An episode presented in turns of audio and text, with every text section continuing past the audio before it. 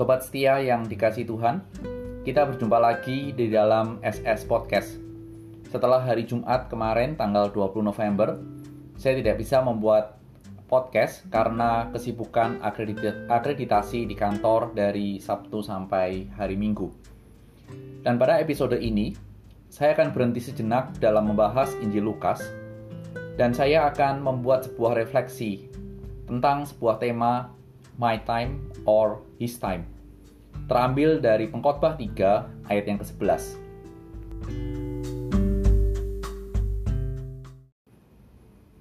Pengkhotbah 3 ayat 11 Ia membuat segala sesuatu indah pada waktunya.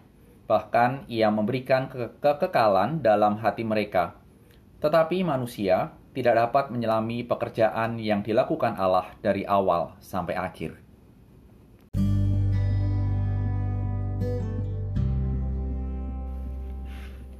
Mari kita kembali berdoa.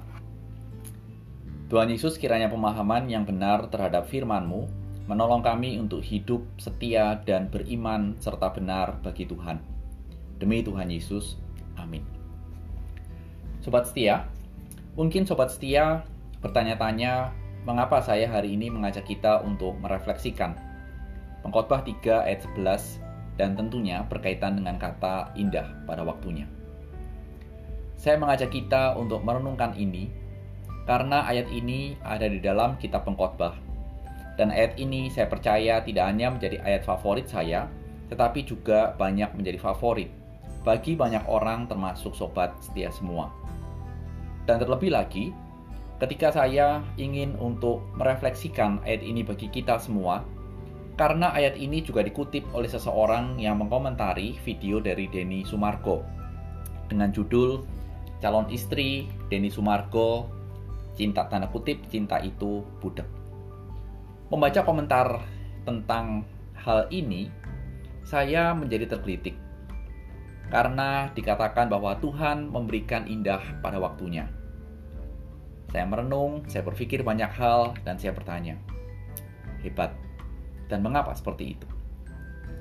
Dan bisakah kita mengatakan itu? Dan bagaimana konsep indah pada waktunya? Kenapa seperti itu? Karena bila kita mengetahui sedikit informasi tentang perjalanan hidup dari Denny Sumargo, yang bagi saya tidak mudah. Dia pernah tidur di Metro Mini, dia menghadapi berbagai macam kesulitan, ditolong oleh seseorang, diberikan makan, dan seterusnya, ada banyak story yang terjadi yang rasanya orang belum pernah atau tidak pernah duga bahwa itu semua terjadi di masa lalunya. Sehingga kita perlu bertanya, itu indah tidak pada waktunya? Menjadi sebuah pertanyaan yang tidak mudah untuk kita jawab.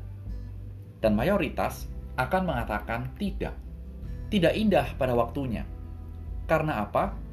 Karena konsep indah yang sering kali menghiasi benak kita adalah sesuatu yang menyenangkan, sesuatu yang bisa kita nikmati, sesuatu yang nyaman, sesuatu yang kita suka, dan lain-lain.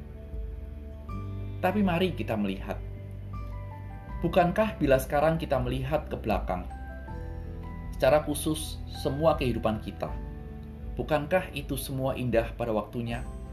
itulah sebuah proses yang membentuk hidup seseorang, hidup kita, sehingga kita bisa menjadi seperti ini.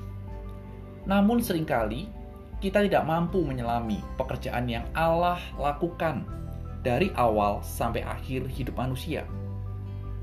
Setuju kan dengan alasan ini? Kita tidak mampu menyelami apa yang menjadi pekerjaan Allah dari awal sampai akhir bagi hidup kita. Bila konsep indah pada waktunya menjadi pemahaman yang pemahaman waktu yang parsial, terbagi-bagi.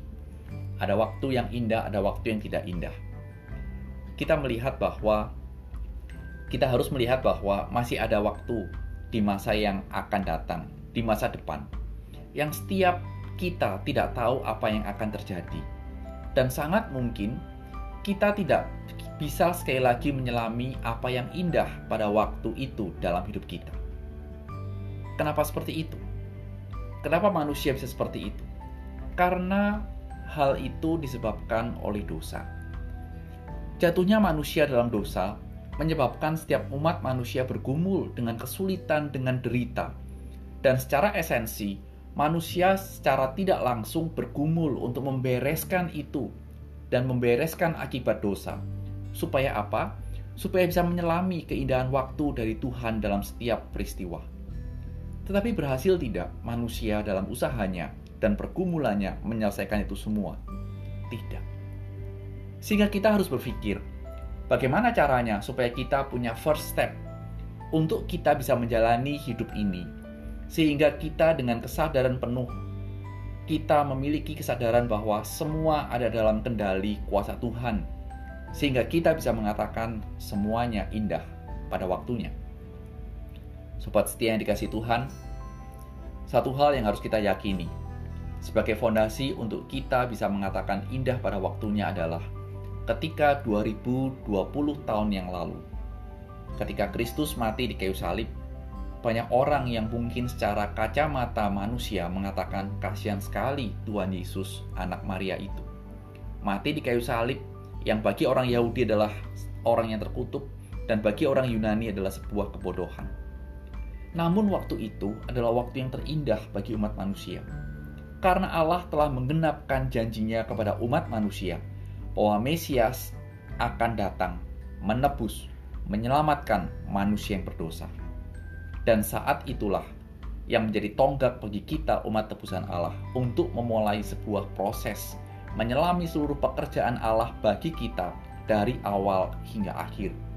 Sehingga kita bisa mengatakan beautiful in his time. Setiap insan manusia pasti memiliki momen yang bisa dikatakan indah pada waktunya. Dan juga punya masa depan yang harus kita jalani. Dan semua dari kita tidak tahu apa yang akan terjadi di masa yang akan datang di dalam perjalanan hidup kita. Sehingga kita harus berani merenungkan apakah hari-hari ke depan akan indah pada waktunya. Begitu juga kalau kita melihat di dalam perjalanan kehidupan Denny Sumargo. Hidupnya akan melewati ribuan hari bersama dengan istri Olivia. Apakah dia tetap akan mengatakan indah pada waktunya di masa yang akan datang Sobat siang semua, ketika kita merenungkan akan hal ini, maka tugas kita adalah silahkan sobat setia menjawab pertanyaan di atas.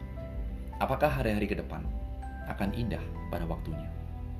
Sehingga ketika kita melewati proses hidup kita bersama dengan Tuhan, kita sadar benar tidak mudah menyelami pekerjaan Allah dari awal hingga akhir dalam hidup kita.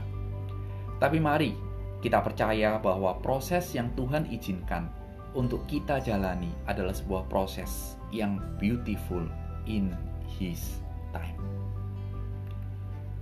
Selamat menjalani kehidupan sebagai proses pembentukan Tuhan dalam diri kita, sehingga nama Tuhan dimuliakan melalui hidup kita. Amin.